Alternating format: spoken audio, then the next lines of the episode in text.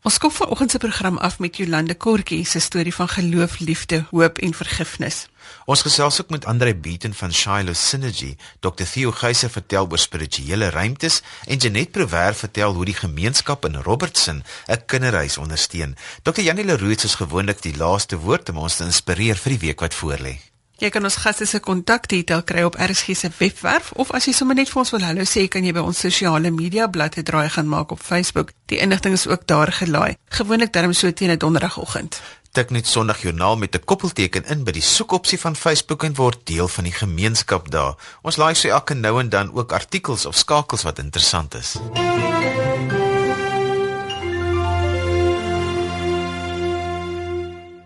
Die media het wêreldwyd berig dat die Suid-Afrikaners Peer en Jolandi Kortjie in Jemen ontvoer is en vanoggend is Jolandi hier by ons in die ateljee om te gesels oor die ervaring. Goeiemôre Jolandi. Môre Lisel. Jolandi, hoe het dit gekom dat julle as 'n gesin in Jemen gaan bly het? So jare gelede um, het ons in Bloemfontein by Peer bediening gehad onder die arme mense. En mettertyd het ons begin voel maar ons kan ons vlerke bietjie sprei en ook um, na ander mense toe uitreik in ander lande en ons het gaan ondersoek instel in 'n Midde-Oosterse land, 'n arm land, Jemen is soos Afghanistan. En ons het ons harte daar verloor. Die Here het regtig sy liefde vir daai mense in ons harte kom uitstort en ons gedring om te gaan dien daar, om te gaan lief hê daar en om uit te reik na mense wat regtig is 'n nasie wat uitroep vir hulp. Hoekom is julle ontvoer en wat en wat het gebeur toe julle ontvoer is? Want julle het 'n diens gelewer, Pierre was 'n onderwyser. Hmm. Wat, wat was die situasie, die ontvoeringssituasie? Ja, jy's reg, ons het gewerk daar, Pierre het um, Engels gegee en ek het uh, by 'n sheikh gewerk, um, sy perde afgerig. En oor die algemeen is is enige persoon wat daar kom werk van die buiteland, daar word beskou as Amerikaner. En uit die aard van die saak ook omdat dit 'n land is waar Islam in beheer is, um, is enigiemand anders wat daar inkom wat anders lyk en anders optree, um, is 'n teken. Dit is 'n potensiële persoon wat hulle kan ontvoer of meer iets doen om om hou vas of iets te kry uit die regering wat hulle graag wil hê. So 'n amper afbou situasie sodat hulle finansies of wat ook al daardeur kan kry. Mm. Ja, die die stamme spesifiek doen dit om um, hou vas op die regering te kry. Al-Qaeda doen dit op miskien op 'n bietjie op 'n ander manier as wat die stamme dit noodwendig doen. Presies wat het daai oggend gebeur? Pierre, um, pappa is die week voor die ontvoering oorlede en ons paspoorte was weg in die stelsel. Dit is maar 'n ander tipe stelsel as wat ons hier ken. En ons moes dringend, ons wou regtig dringend uitkom vir die begrafnis met groot gestoei die paspoort gekry, die uitgaan visas ontvang en ons sou daai middag gery het om hulle te gaan haal die paspoorte toe ons in 'n lokval ingery het. Um, en ek dink dit is so belangrik dat mense weet eh, mense kan waaksaam wees tot op 'n punt um veral as mens dan hartseer is en getraumatiseer is en jou kop begin jou fokus begin skuif na ons gaan nou terug ons moet nou um sy pa gaan begrawe ons moet sy ma gaan versorg. En ons ons aandag was by daai goed en ons het nie regtig opgelet wat gaan om ons aan dat ons die lokval noodwendig raak gesien het of besef het dit was vir ons die lokval nie Sou dit nie noodwendig daai oggend beplan om julle twee te ontvoer nie. Dit was 'n sameloop van omstandighede. Nee, hulle sê later het ons tydens die die ondervragings wat hulle ons aan onderwerp het, het ons duidelik geleer dat um, ons was 'n teken toe nou al vir 'n jaar lank wat hulle eintlik gesukkel het om ons te ontvoer. Julle twee was nou eers saam in aanhouding gewees en toe is jy vrygelaat. Wat gaan deur 'n vrou se kop as jy jou man moet agterlaat in hierdie situasie, jy ken die situasie, jy was nou self daarin, maar jy word nou vrygelaat. Mm. Wat gebeur hier in jou hart? Dit is soos 'n tsunami, gevoel. Dit is 'n verskriklike gevoel, 'n 'n werklikheid wat jou tref, wat jou voete onder jou uitslaan, jou emosies, jou verstand. Lank daarna dan het ek eers besef dit is dalk miskien hoe die Here moes of God moes gevoel het toe hy sy seun sien swaar kry aan die kruis. Daai wete van hier gebeur nou iets verskrikliks en ek kan ek kan nie nou hier ingryp en ek kan nou niks doen nie. Met die tyd het ek besef maar ek het nie Peer in Al-Qaeda se hande gelos nie. Hy soek in God se hande. Ons kan so maklik praat Jolandi dan weet ons is geloof en ons geloof is so sterk en ons doen al die goeders maar wanneer dit met ons goed gaan. So nou sien mm. hier in 'n situasie waar jy jou man moet agterlaat in onveilige omstandighede. Wat is jou gesprek met die Here dan? Ja, nou gesprek het soemloos beweeg tussen die Here hoekom nou help ons asseblief en uiteindelik het die gesprek begin oorgaan na minder fokus op wat ek wil hê na Here wat wil jy hê in hierdie situasie vir ons nou en wat is jou wil met Peer en en hoekom dis nie noodwendig nodig dat ons U wil moet verstaan nie. Ons kan U vertrou, Here, maar ons hoef nie noodwendig altyd alles te verstaan nie. So die gesprek het aanvanklik kwai gefokus op my eie behoeftes en met die tyd oor begin gaan na Here, wat soek jy? Wat is jou wil? Was dit nie vir jou 'n geweldige antiklimaks nie? Alles het so opgebou na Peer se vrylating toe. En toe gebeur dit dat hy doodgemaak word. Dit is eintlik 'n um amper 'n paradoks want ons het in ons gees het ons geweet, het ons 'n besef gehad iets gaan verkeerd. Maar ons kon dit nie verwoord nie en met ons verstand het ons dit totaal ontken. Ons het nie nou Lord, this is not to happen. Nee, dit gaan nie so wees nie. So dit is 'n um, 'n twee stryd wat ons deurgemaak het die hele tyd. En die oomblik toe dit gebeur en ons hoor die nuus, toe was dit amper asof hy goed so oor mekaar skuif daai wete van ons het in ons gees iets geweet, ons het iets besef, maar ons ons ons as mens wil nie ons wil 'n ander plan sien, ons wil ons eie plan sien. Ons dink die regte plan is dat Pierre lewendig moet huis toe kom en dit nie noodwendig is wat God in gedagte gehad het nie. Sy plan is nie hoor as ons plan, maar as mens wil ons altyd ons eie plan hoor. Nou ons praat baie maklik oor vergifnis, maar jy was nou in hierdie situasie waar mense jou vryheid weggeneem het, waar mense jou amper jou menswaardigheid aangetast het mm. en ook jou lewensmaat weggeneem het van jou af. Met ander woorde, jou toekoms is totaal verander deur hierdie situasie. Die groot ding wat ek by jou ervaar en wat ek hoor is vergifnis dat jy besluit het jy gaan hierdie mense vergewe. Verduidelik net vir ons hoe is dit moontlik? Ja, dit is nie moontlik omdat ons oulik is nie. Dit is moontlik omdat ons in die eerste plek gesien het hoe die Here ons vergewe. Ons is eers te vergewe in 'n totale vergifnis. En om te kies dan elke dag om te sê 1000 keer ja tot ek my laaste asem uitblaas elke oggend op te staan en sê ja, ek gaan kies om te vergewe. Want ek gaan nie gevange bly van wat ander mense gekies het om te doen wat verkeerd was nie. En dan is daar regtig 'n belangrike ding dat wanneer ons vergewe, dan gee ons oor na die Here toe. Ons is dan nie meer in beheer nie. Ons wil eintlik so graag in beheer wees, maar as ons vergewe, dit beteken nie dan stem ons saam met wat daai persoon gedoen het nie, wat hy verkeerd gedoen het nie, maar ons kan oorgee. En daarin is vryheid. As ek mag vra, ons het geloof gekies en dit is wat ons geloof anders maak as ander gelowe jy het hierdie keuse as jy geweet het al hierdie goed gaan gebeur sou jy nog steeds so gekies het as mens uit jou vlees uit moet sê dan sou ek gesê joh nee dit is te erg nee maar weet jy wat ek weet dat die Here mens voorberei en as ons heeltyd vra Here wat wil jy hê moet ons doen dan weet ek hy sou ons weer in hierdie pad ingelei het en saam met ons gestap het soos hy gestap het hy het ons nooit gelos nie daar's 'n ander prentjie 'n ewigheidsprentjie en ons hoef nie noodwendig daai prentjie te sien of te verstaan nie. Maar God se prentjie sluit altyd mense in. En ons kan God vertrou met daai prentjie. So hy weet wat hy doen, ons kan hom vertrou. Hoe lyk die pad vorentoe, Jolandi vir jou en die kinders? Gelukkig weet ons nie, maar ons kan ons hande in die Here se hand sit en vertrou dat hy weet wat hy doen en dat hy ons tot hier toe gedra het, so dan gaan ons mos met die volgende tree ook dra. Daar's 'n stuk van Peer se joernaal wat hy gehou het tydens sy gevangenskap is is aan jou terugbesorg. Mm. Wat was jou gedagtes toe jy dit gelees het? Het jy het jy die Here se hand ervaar in dit wat hy ervaar het terwyl jy nie by hom was nie? Ja, ek het definitief die Here se hand ervaar op op verskeie maniere, alhoewel dit ontsettend erg was om die inhoud deur te werk. En dit het my verplaas terug na hom toe, my weer magteloos laat voel het ek gesien hoe die Here hom gedra het, hoe hy gebede wat ons aan die kant gebid het, vir Peer daar waar gemaak het. So intens dat dit selfs op datums ooreengestem het op goed wat ons gebid het. En net die feit dat ons dit kon kry, weet jy hoe raar is dit om dit te kon kry. En daai pad wat wat die Here saam Peer gestap het, te kon beleef is 'n ongelooflike voorreg. Ons het kom ons sê 'n minuut om vir mense wat sukkel met vergifnis te sê dis hoe dit moet wees. Wat sal jou mm. boodskap wees vir almal wat luister, almal wat in 'n trauma situasie is of in 'n situasie waar hulle gevange is, het jy of dit nou deur jou gedagtes is, het jy mm. of dit nou in 'n huwelik is wat jou gevange hou. Wat is die sentrale boodskap? Ek dink net om weer te besef dat om te vergewe beteken nie ons ons kondoneer die gedrag nie.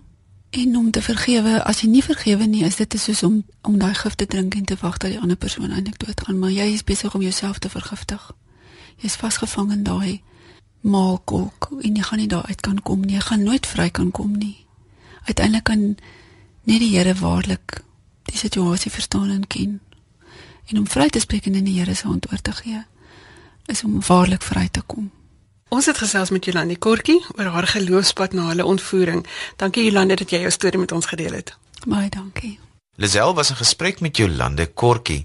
'n Mens weet nooit hoe jy op omstandighede sal reageer nie, maar Jolande se verhaal van vergifnis behoort vir almal 'n voorbeeld te wees. Goeiemôre as jy sopas ingeskakel het jy luister na Sondagjoernaal en ons gesels geloof en godsdienst hier op RSG 100 tot 104 FM. Shiloh Synergy se wortels lê diep gebed in die nood van arme mense en vanoggend kuier Andre Beaton by ons in die ateljee om hierdie storie van geloof en aksie te vertel. Goeiemôre Andre. Hallo Lazel. Andre, julle het begin by 'n potsop en julle het nou 42 projekte wat loop. Vertel vir ons waar dit alles begin. Ek is 'n tandtegnikus en ek het saam met 'n tandarts gewerk, seker so 25 jaar gelede wat daai jare met sendlinge gewerk het wat op die Doulos-skip gewerk het. Nou die Doulos-skip is een van die Mercy ships wat ingekom het nog daai jare na Kaapstad se hawe toe. En dan het hulle in die droogdok gelê en dan het hulle daar reparasiewerk gedoen. En dan van daai sendlinge wat op die skip is, die mans het altyd op die skip gewerk vir restaurasiewerk en die dames was altyd in die sendingveld ingewees en ek het saam met hom gewerk op 'n uh, paar sulke gevalle en daarna ook as daar sendlinge is wat iets in sy mond nodig het dan hy die tandheelkundige deel gedoen en ek het die tegniese werk gedoen en dan ons het dit maar beskou as en vandag nog ons eintlik vandag nog aan mee besig as ons deel om die koninkryk van die Here uit te bou. En hy het iemand na my toe gestuur wat nie op die skip was nie, maar wat met hierdie mense gewerk het hier in Kraaifontein. Nanda. Nou, ons het altyd Woensdaagmiddag ons so bidjie en partykeer nooi ons iemand en dan kom deel hulle net met ons waar werk die Here in hulle lewe. Paul Tutnanda het ons vertel wie hy is en waar hy vandaan kom en hy kom uit 'n gesin van 9 waarvan 8 van hulle al op een of ander stadium van hulle lewe in die tronk was. Net sy moeder was nie in die tronk nie. En Nanda wat het alles gedoen wat verkeerd was. En toe hy in die tronk kom, wou hy eintlik selfmoord pleeg en toe het hy gesê as daar so iemand is soos hierdie Jesus, dan moet hy aan hom 'n verskyning maak.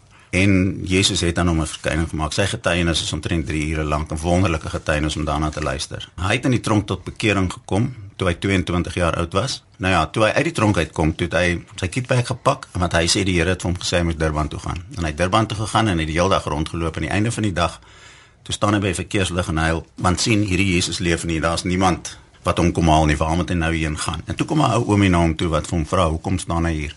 En hy het vertel hy vir hom sy storie. Toe sê die oom, "Ek is so bly ek het jou gekry, want die Here het vir my gesê ek moet vandag Durban toe gaan om iemand te gaan haal wat by my moet kom werk." Toe's dit 'n ou oomie wat 'n vragmotor het met 'n groot tent wat deur die Transkei ry, wat onderhandel vir 'n stuk grond dan slaan hy sy tent op en begin hy 'n kerk. Hy begin mense oplei, begin ouderlinge en diakens oplei so sodra hulle onafhanklik is om trek hy en so het hy gemeentes gestig en hy het mense gesoek nog om hom te help. En daar het Nanda gaan werk as 'n usherboy en daar het hy eintlik geleer.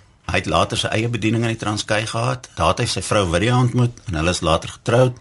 Toe hulle van daar af Indië toe want hulle het gesê hulle wil net teruggaan na waar hulle vandaan kom en van Indië af het hy in die Kaap geland. En dis toe wat ek hom ontmoet. Dis toe wat hy op my pad kom. En toe het hy na my toe gekom kort kort en vir my gesê: "Wie ek wil graag hierdie sopkombuis begin en alles dien." Uh, maar ek weet nie hoe nie, want ek het baie gou agtergekom Nanda is deur die Heilige Gees geïnspireerd en hy preek en hy's 'n prediker, maar hy kan glad nie organiseer nie. Hy het nie groot geword in 'n huis met orde nie en hy weet nie hoe nie.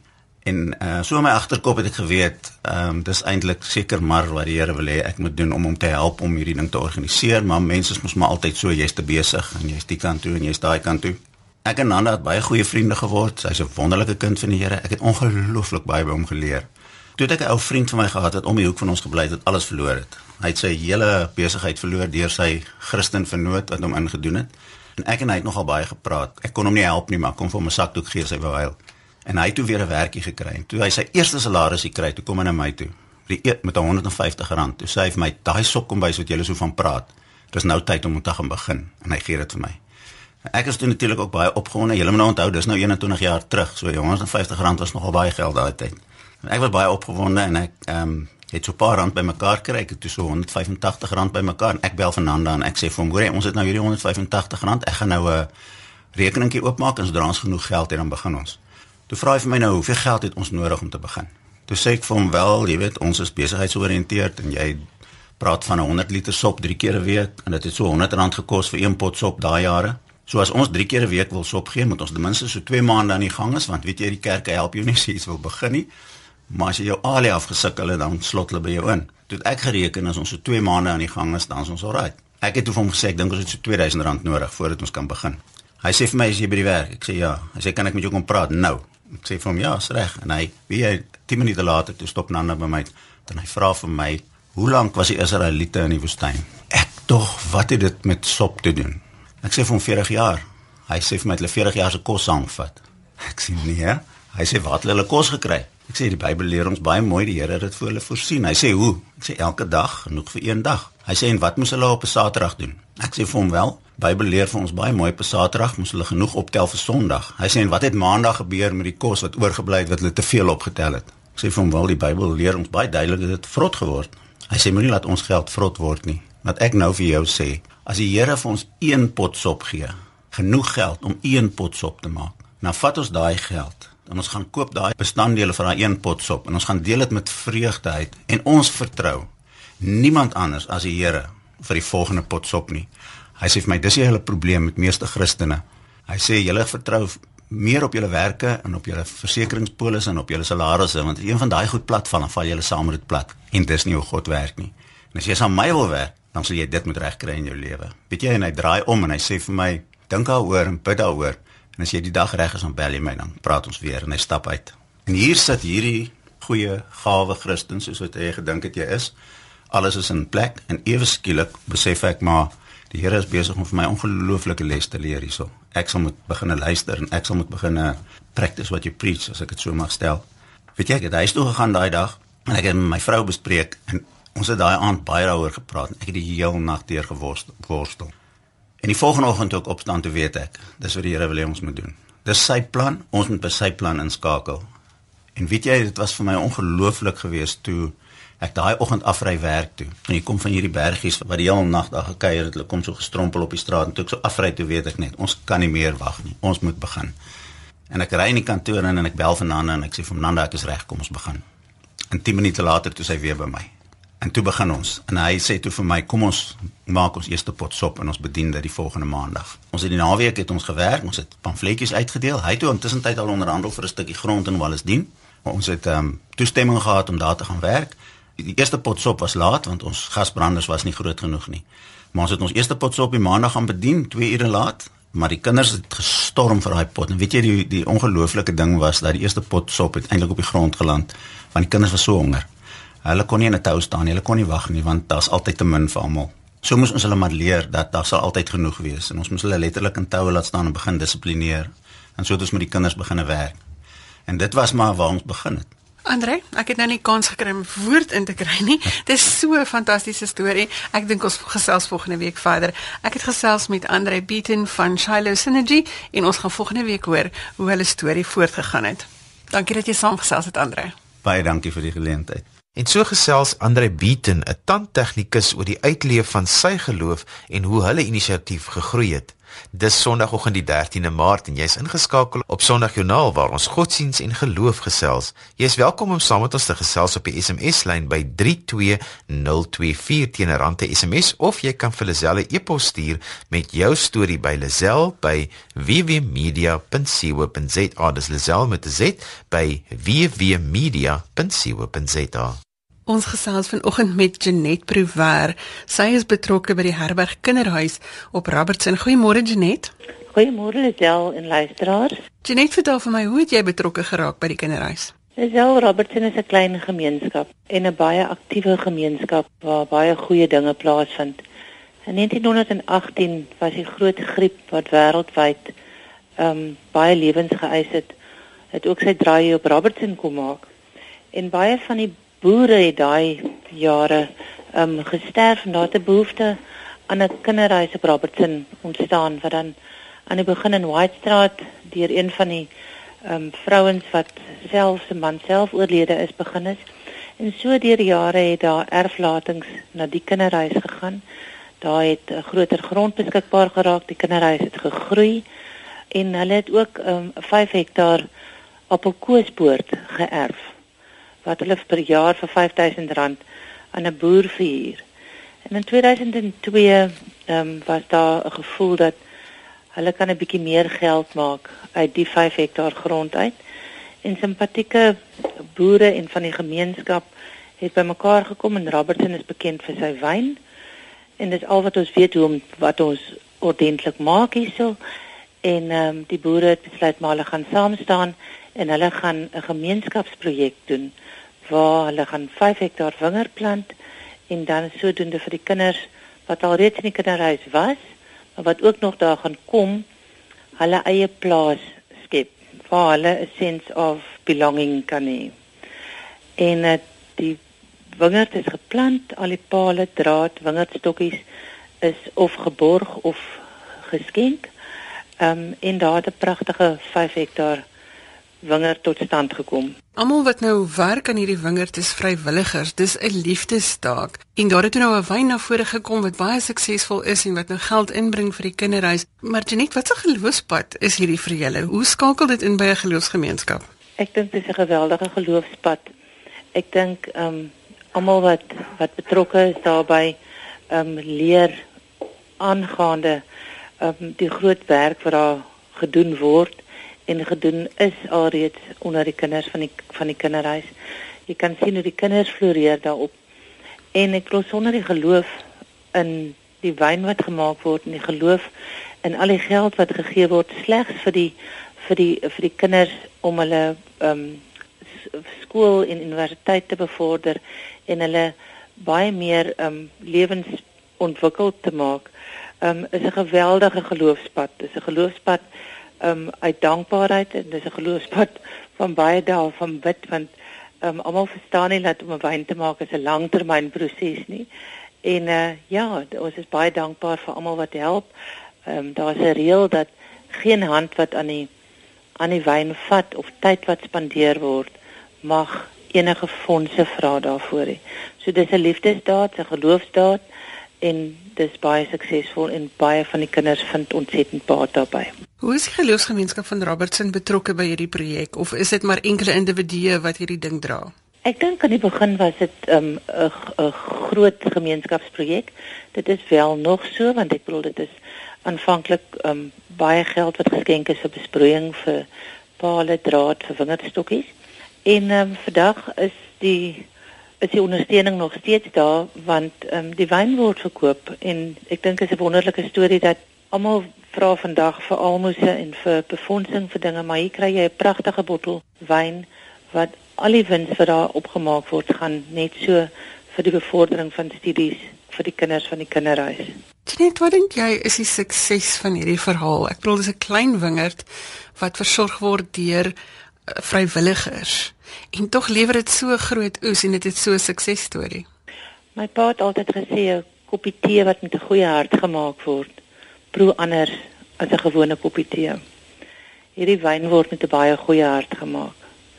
En ek dink dit is die dit maak die verskil. En so gesels Janet Prouwer wat onlangs die vrywilliger van die jaar toekenning ontvang het vir hulle werk by die Herberg Kinderhuis.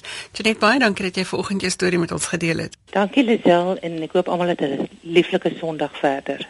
So gesels Lisel met Janet Prouwer van Robertson. Jy kan gaan lees oor die Thunder Child projek by thunderchild.co.za. Jy luister na Sonogjoernaal net hier op RSG 100 tot 104 FM en wêreldwyd by rsg.co.za. Jy kan ook inskakel op DStv se audiokanaal 913. RSG het hierdie week uitgesaai vanaf die Woordfees en vandag is die laaste dag wat jy ook op Stellenbosch daar 'n draai kan maak.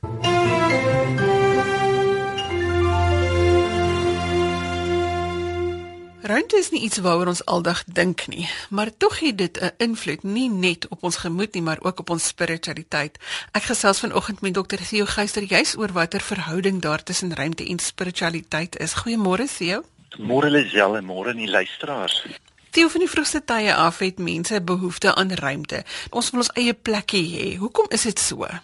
Lisel, ek ek vermoed nê dat um, as ons praat oor God dan is dit verskriklik moeilik en dis amper ontoeganklik want ek bedoel hy word die onsigbare genoem. So nou om na die onsigbare toe te gaan dink ek dat ons het meer die sienlike nodig. Ek dink ook omdat God so groot is, jy weet dit is soos die son, jy kan nie in die son staan direk en kyk nie.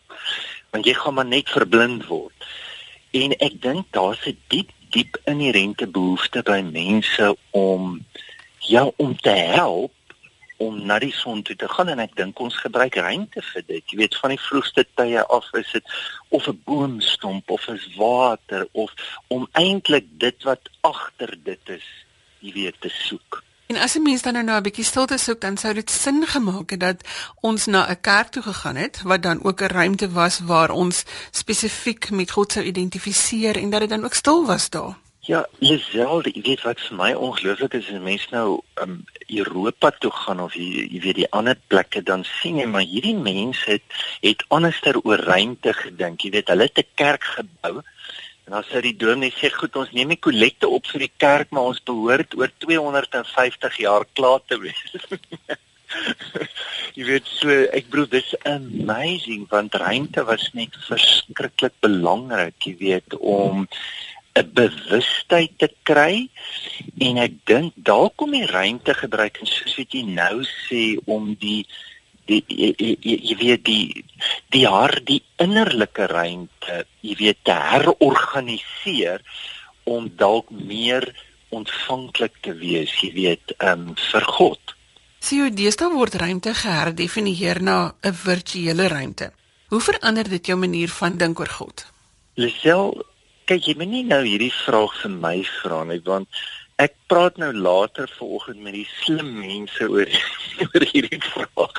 So ek gaan net die luisteraars by mekaar.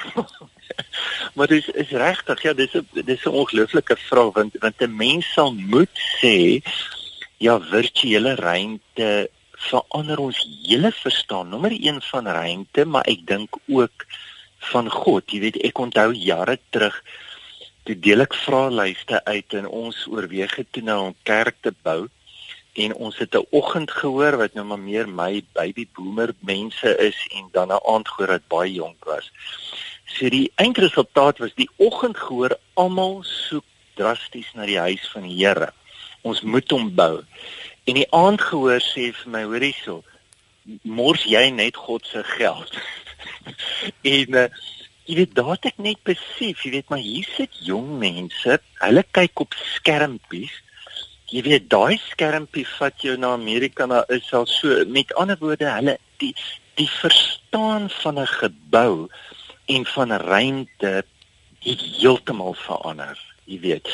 Ja en Lisel ek ek weet nog nie presies jy weet wat doen dit nie en ek dink ook nie ons weet nog presies wat doen dit nie. Weet ek bedoel ons kinders word nou groot met iPads jy weet 2 3 jariges. Ek dink ons sal eers later sien wat presies gebeur maar baie interessant dat hulle selfs nou in neurologie baie navorsing doen oor hoe die brein eintlik eh, verskoon die Engels gerepattern word jy weet en oorgeprogrammeer word om om te dink oor goed.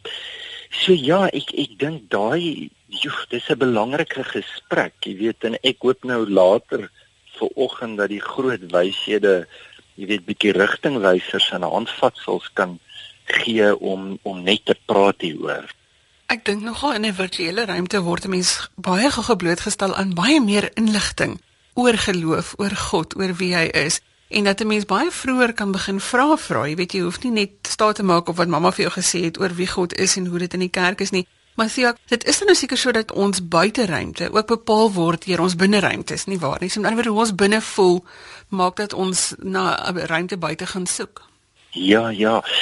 Ja, ek dink jy slaan die spyker op die kop want ehm um, ek dink ons vergeet dit baie keer en ek dink soms is die afwesigheid van 'n innerlike ruimte ehm um, die oorkompensering van al hierdie eksterne goed wat ons nodig het want ek bedoel die eerste ruimte wat bestaan het was maar die woestyn.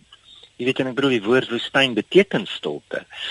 Uh en en as jy nou kyk hier in die industriële revolusie in die 14de en 15de eeu, ehm um, wat daar gebeur het was dit was ook die ontstaan en die geboorte van 'n menigte kloosters wat ontstaan het.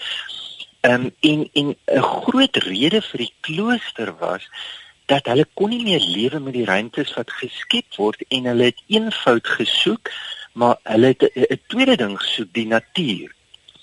En nou as jy vandag kyk na kloosters, jy weet jy jy bewonder net die ongelooflike skoonheid waar hierdie goed gebou is. Jy weet en ek dink hulle het destyds se daai ou vaders soos um, Ek weet McDonald's sê daar's mos net drie goed wat belangrik is waar jy McDonald's opsit, dis location, location, location.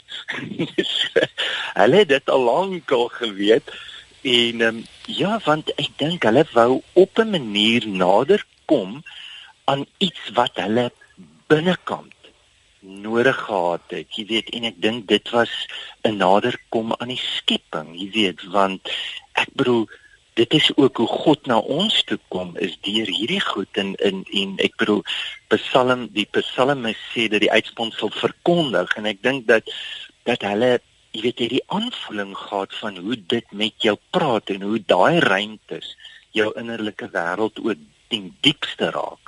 Ek werk gereeld met vroue waar ons werk met 'n herstelproses en hulle vra ook gereeld die vraag hoe kan hulle 'n ruimtetjie inrig in hulle huis wat net hulle sin is waar hulle kan gaan stil word met die Here. Maar ons het heeltemal te min tyd nou om hieroor te praat vir jou. Johan het nou genoem dis die laaste dag van die woordfees. Jy verwys na julle gesprek by die woordfees vanoggend. Sê gou vir ons waar gaan julle verder praat oor hierdie saak van ruimte en spiritualiteit?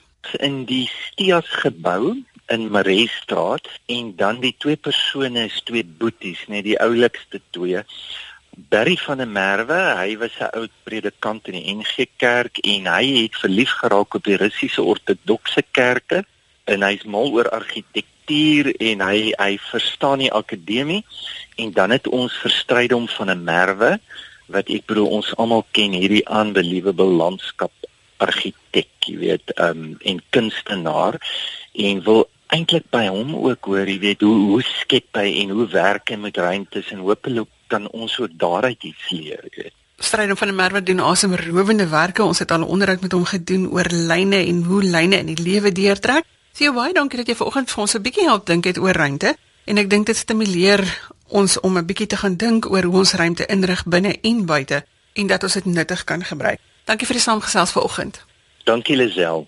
Ons gaan beslis probeer om nog vanoggend by Theo aan te sluit vir hierdie gesprek oor ruimte en spiritualiteit by die Woordfees. Maar nou vir eers 'n laaste woord van Dr. Janie Leroux, ons inspirasiekundige. Môre Janie. Goeiemôre Janie. Môre Johan, môre Lisel. Janie, ons wil dikwels dat ons geloof uitgedaag word. Ons het nou gehoor Jolandi Kortjie het met ons gesels oor hulle situasie wat hulle beleef het. Help ons 'n bietjie met wat ons in so 'n situasie kan doen wanneer ons geloof uitgedaag word. Wat ons moet besef oor geloof in die drie enige God is dat dit nie 'n vraag is of jy uitgedaag gaan word in jou geloof nie, maar eerder wanneer. Almal gaan een of ander tyd 'n tipe uitdaging beleef in hulle geloof. So jy kan uitgedaag word in jou geloof deur mense wat nie Christene is nie, en dit het te maak met belydenis. Jy bely jy glo in Jesus en die feit dat hy die dood opgestaan het, maar ander mense sê iets anders daaroor.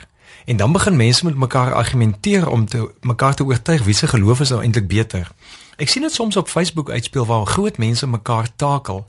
En die slegte wat ek sien is as hulle argumente nie meer lekker werk nie, dan begin hulle vir mekaar lelike name noem en lelik behandel. Dis asof hulle nog op skool is.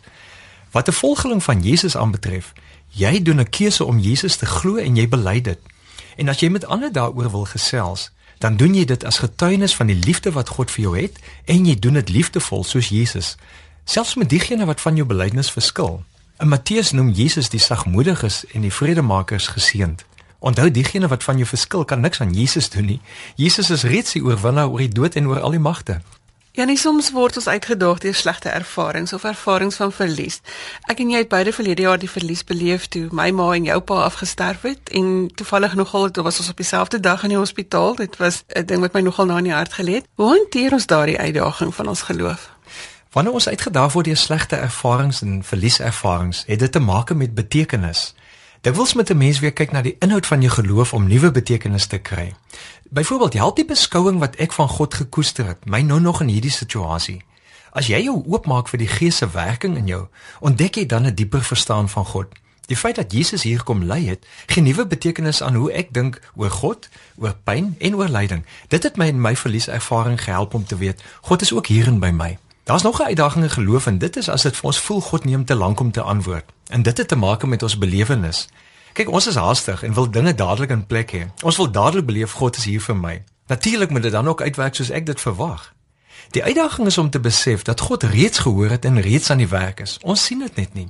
En as God na my sin te lank neem om te antwoord of ek kry nie die antwoord wat ek soek nie, dan moet ek besef dis nog steeds in God se hande en alles sal wel ten goeie uitwerk vir die wat hom liefhet, soos Paulus vir ons Romeine 8 vers 28 herinner. Na God die belofte van 'n nageslag vir Abraham gegee het byvoorbeeld, het dit nog 25 jaar geneem voor sy kind gebore is, maar God het deurgekom. Janie, is daar nog uitdagings waaraan jy kan dink? Ek dink ons word deur God uitgedaag in ons geloof as ons geloof kragteloos en oninspirerend word. En dit het te maak met bekering. Bekering beteken om weer op God te fokus, veral omdat ons te klein oor God dink. Dis om weer volkome afhanklik van God te wees en te leef. 1 Petrus 1:7 herinner ons dat ons geloof getoets gaan word sodat dit lof en heerlikheid en eer waardig mag wees by die wederkoms van Jesus Christus. Kom ek gee enkele wenke. Vra die Heilige Gees om jou sensitief te maak om te besef Wat presies is dit waarmee my geloof uitgedaag word? Het dit te maak met belydenis of betekenis of belewenis of met bekering? Hou aan met jou stilte tyd waarin jy jou Bybel lees, want God praat ook deur die Bybel. En luister na wat die Gees jou opnuut oor God oortuig en oor jouself wil leer. Dalk is dit iets nuuts wat jy van God moet besef en onthou. Dalk is dit 'n ou waarheid wat jy vergeet het, maar bly leer van en oor God. Ja nee, as jy dit nou in 'n nette dop moet saamvat, een sin wat ons hierdie week kan saamdra. God is altyd groter as jou geloof. Glo groter oor God. Dankie Jannie vir jou woorde van inspirasie vanoggend. Jy kan vir Jannie kry by Jannie by jannieleroe.co.za. Ons moet groet volgende Sondag as ons weer hier op dieselfde tyd met nuwe stories uit die wêreld van geloof en godsdiens. Stuur gerus vir my 'n e-pos soos Johan al genoem het. As jy 'n storie het wat jy met ons wil deel, 'n geloofstorie, my e-posadres is lizel, L I Z E L L E by www.media net twee wees www.media.co.za. Ons gaste vanoggend was Jolande Kortjie, Theo Geyser, Andrew Beaton en Janet Privaar. Ons groet tot volgende week van my Liselde Brein. Totsiens. Ek groet ook namens produksieregisseur Neil Roo agter die kontroles met die musiek van Dani Botha. Ons luister na vroeg in die môre. Tot later vandag wanneer ek weer agter die mikrofoon inskuif vir ons in die onderwys van my Johan van Lille. Totsiens. Hmm.